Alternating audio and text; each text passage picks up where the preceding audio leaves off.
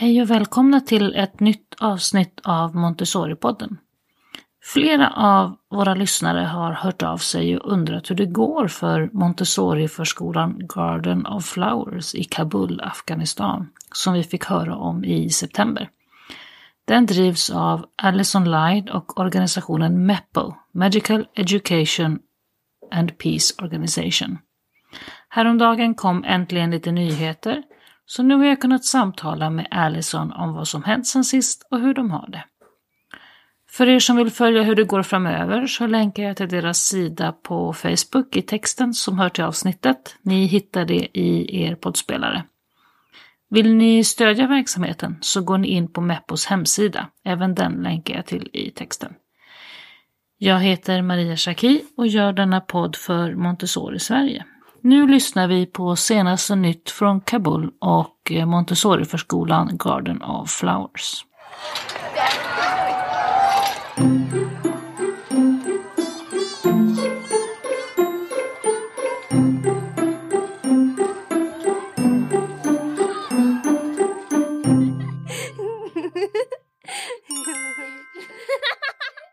Hello again, Alison Lyde.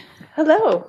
I know that so many of our listeners have been touched and moved by the story about the Montessori preschool and activities in Kabul and are mm. eager to know what is happening. And we are talking today because you actually have some news. Yes, yes, it's really exciting. This is, we are now in, um, I think it's been two and a half weeks, perhaps, or two weeks since they reopened the Garden of Flowers. So, um, as you know from the last time we talked, it was there was not much movement. That we it was impossible to get official signatures and get things moving, and it was unclear whether women would be able to work and what the situation was. And it actually is still not a whole lot more clear. But our staff finally said, you know, that we we can't stay home forever um, other people are working. See, you know, there were those brave people in society who took those risks and went out and tried working, and things were okay. So the staff made that decision. Obviously, we, you know, encouraged and supported, but from our side, we couldn't push them, not knowing the situation. So we said, well, how about November 1st? So the week before, they started house hunting and they have found this sweet, lovely, sunny, airy, house that is just beautiful, lots of windows and a big yard, because the other house, the lease had finished and they had moved out. So they found a new house. Um, within a couple days, they had set everything up, moved in, and started meeting people in the community looking for families, really needy families. And on November 1st or 2nd, they started bringing kids in. Um, and so they hmm. now have I, I recently or just today wrote to see what the total is now because they had been taking in slowly building the class slowly. Last week they had 11 children um, but they i know they have more than that now. Hmm. um, so they're taking in a boy and a girl each day to keep the gender balance as much as possible. And it's just going beautifully. Um, they they said the families are grateful the children are doing great um, and one, this is kind of a new piece that we hadn't really experienced before. That they, she said the the children are are very very hungry, um, mm. and of course they have breakfast. As in hu- hungry for food. For they food. don't have enough. They don't have enough to eat. Right, because they said at lunch this this one little boy. So the the bread in Afghanistan is it's called naan, and it's about I don't know, what is that, 40 centimeters long. It's very long bread and puffy but thin, um, and about maybe 20 centimeters wide. And this one little boy, four or five years old, actually ate an entire one by himself. Hmm. Hmm. Um, and usually children will just eat a small portion, and other children too. They're eating half of a naan at a meal. Um, some of them are just very nervous when the food comes, you know, just anxious, or some of them just are eating with their hands, shoveling rice in, and so they they obviously really need the food. Um, so we're mm. we're really happy that we can provide that, and then they'll be bringing in more children. um, depending on the space, you know, maybe as many as 30, you know, as many as we Hmm. can can get in the new in the new place. Yeah. And what about the um, old children, your old families? Are they? This is in a completely new location, Yeah. so they are not really. It's too It's far. not possible. it's, too far, for Mm. them. Mm. Um, and the teachers were in touch with them during the hiatus. Um, and they they really the the families wanted them to come back. It was a it was a difficult and sad decision, and this is the third time this has happened with us now. Mm. Um, but it was just there was nothing in that neighborhood, um, and so then they found this one, which is too far. And in the meantime, I read something on your website about a fantastic donation that made it possible for your teachers to Yeah. to do some training. Yes. Tell me what happened. Oh my gosh, it was incredible. Um, it was through a, a contact at ESF, I think, was how they heard about us. Um, it's a group in, Educateurs, Sans Frontières. right, and and so this was a, a group in Portugal, which um, is they're beautifully the translation of their organization is the Garden of Discovery. Hmm. And so they had written, heard about us, asked how they could help. And so I wrote and said, gosh, what we really need is, you know, support with technology, better computers, better internet connection, so that maybe our teachers could get hooked up with some mentors um, and just support them and then be able to maybe grow the program more. And I just, it was, it felt like a bit of a pipe dream. And, um, and then they wrote back and they said, well, actually, we are offering an online three to six orientation class, and we'd like to offer two spots to your teachers. And that was September 5th, and it was supposed to start on September 7th. And so this was in the middle of this Taliban transition thing. And the teachers were at home. They didn't have computers. All they had were their phones. They had never used Zoom before.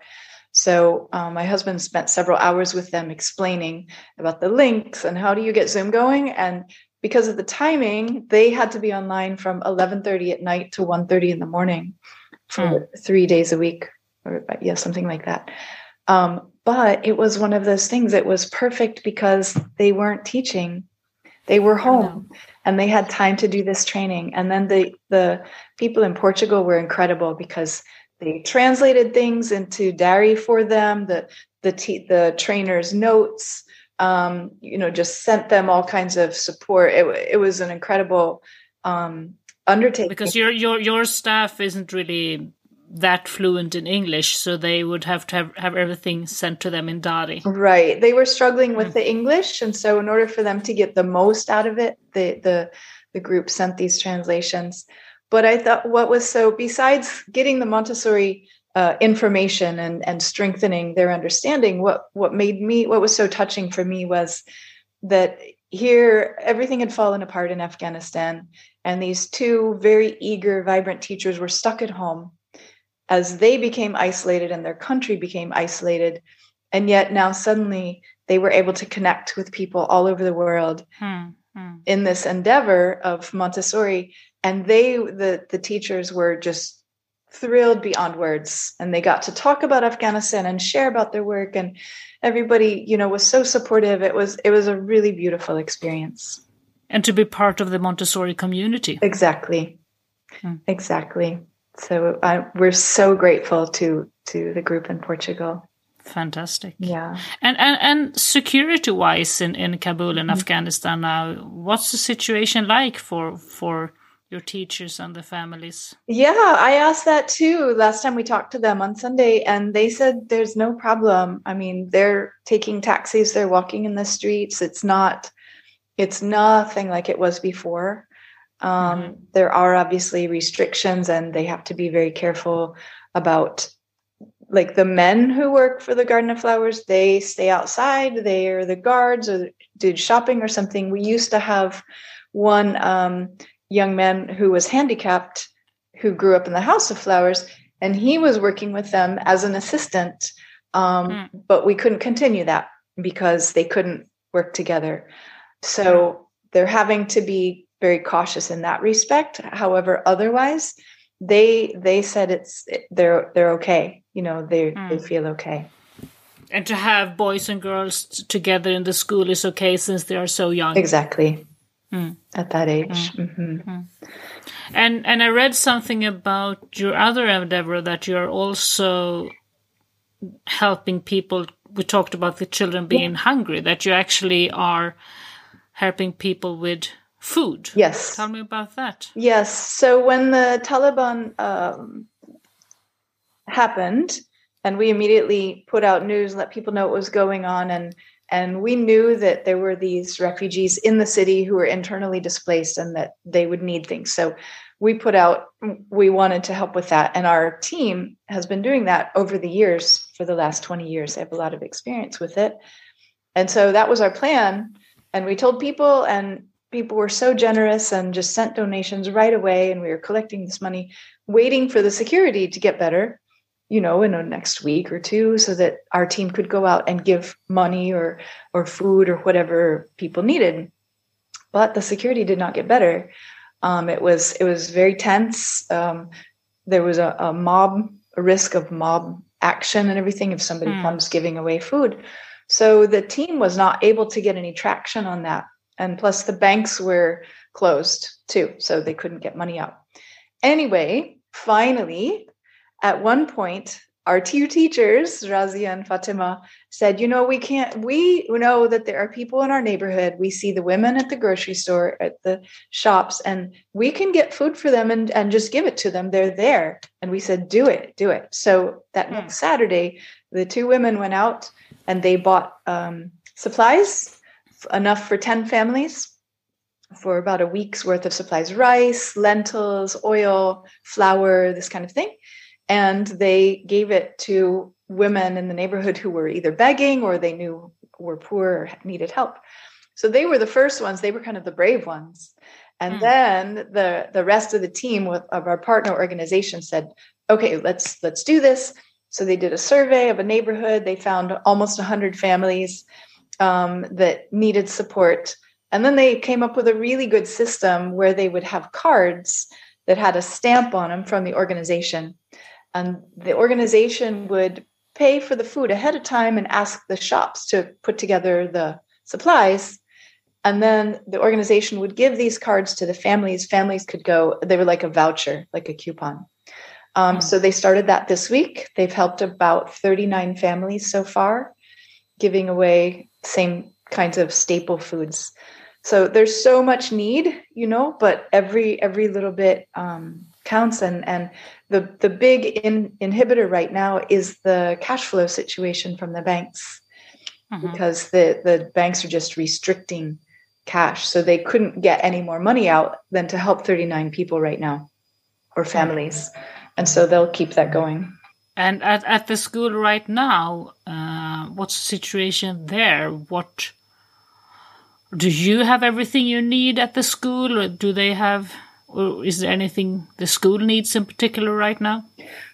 Uh, right now, they're just kind of settling back in, um, and they mm-hmm. they have all of their same supplies and materials as before, um, and they're as you know how when you get into a new environment, you kind of see then how to use the space or what kind of furniture you need or this. So they're in that phase right now, mm-hmm. um, and just getting the children normalized and and getting everybody used to things. So right now, there's nothing immediately urgent. Um, they're able to buy enough food to feed the children. They seem to have a decent internet connection. So right now, things are stable. Um, mm. Winter is coming, mm. and you know, electricity is spotty. They'll have to get heaters, um, and so there will be there will be that shift as the winter comes. And and then obviously the other thing you're doing with giving out food will be probably even more needed when right. winter comes. Exactly, which is why we're trying to do as much as possible before winter. Um, and then in winter, probably, you know, winter clothes will be mm. necessary for the children. And they usually do that. They did that last year too, bought children boots and jackets and hats. And, and so they'll be outfitting them for the snow, the cold weather. Mm-hmm. And if people listening to this want to help and donate the easiest and best way is to actually donate money, right? Right. Right. And and I saw on your website that you have uh, an option where you can donate by credit card via PayPal. Uh, so it's quite easy. It's very easy. Yep. Mm-hmm. Yes. Yeah. So we're just we're really still just taking it a day at a time, but um, the staff is is so happy to be back at work mm-hmm. and to use the things that they learned in the training um, to get back into observation and everything that goes with Montessori and see how the children are responding and settling. And it seems like it's a very um, relaxed group of children, just very calm and just really benefiting from from the environment. And then they're getting to know the families, and that will give a better sense of if there's families that need additional support or in the neighborhood. You know, any even if they don't have children or something like that. So, what kind of families and neighborhood is this that you are in now? It's just an average family, uh, average uh, neighborhood. There's a lot of people who are apparently street vendors selling things from um, carts, you know, just that they wheel down the street selling vegetables or something. There's a lot of multiple families living in one space because some people have come in from the countrysides um, and then, as everybody knows, the economic situation is really tough right now. So, mm. even if they have this cart to sell things, a lot of people don't have cash to buy things. They haven't been paid. Um, they can't. They can't. It's a it's a loop because people aren't mm. paid, then they can't buy things, and then other people aren't getting paid. Um, so it's it's quite dire, especially heading into winter. But it's really uh, comforting to hear that they are back in business. Yeah, yeah. It was just, it felt like we were just treading water barely. Mm. Not, nobody knew what was going to happen. And now the wheels are turning. Now there's momentum. Now there's energy. Um, there's there's bravery. There's courage. There's commitment. There's generosity. So um, it it does feel really good. Thank you so much, uh, Alison, for updating us on the situation in Kabul. Thank you for having me. It's really it's really a pleasure to be able to come back and report some good news out of Afghanistan, and um, and that people there are doing the best they can. And with our support on the side, then hopefully things will slowly get better. Thank you.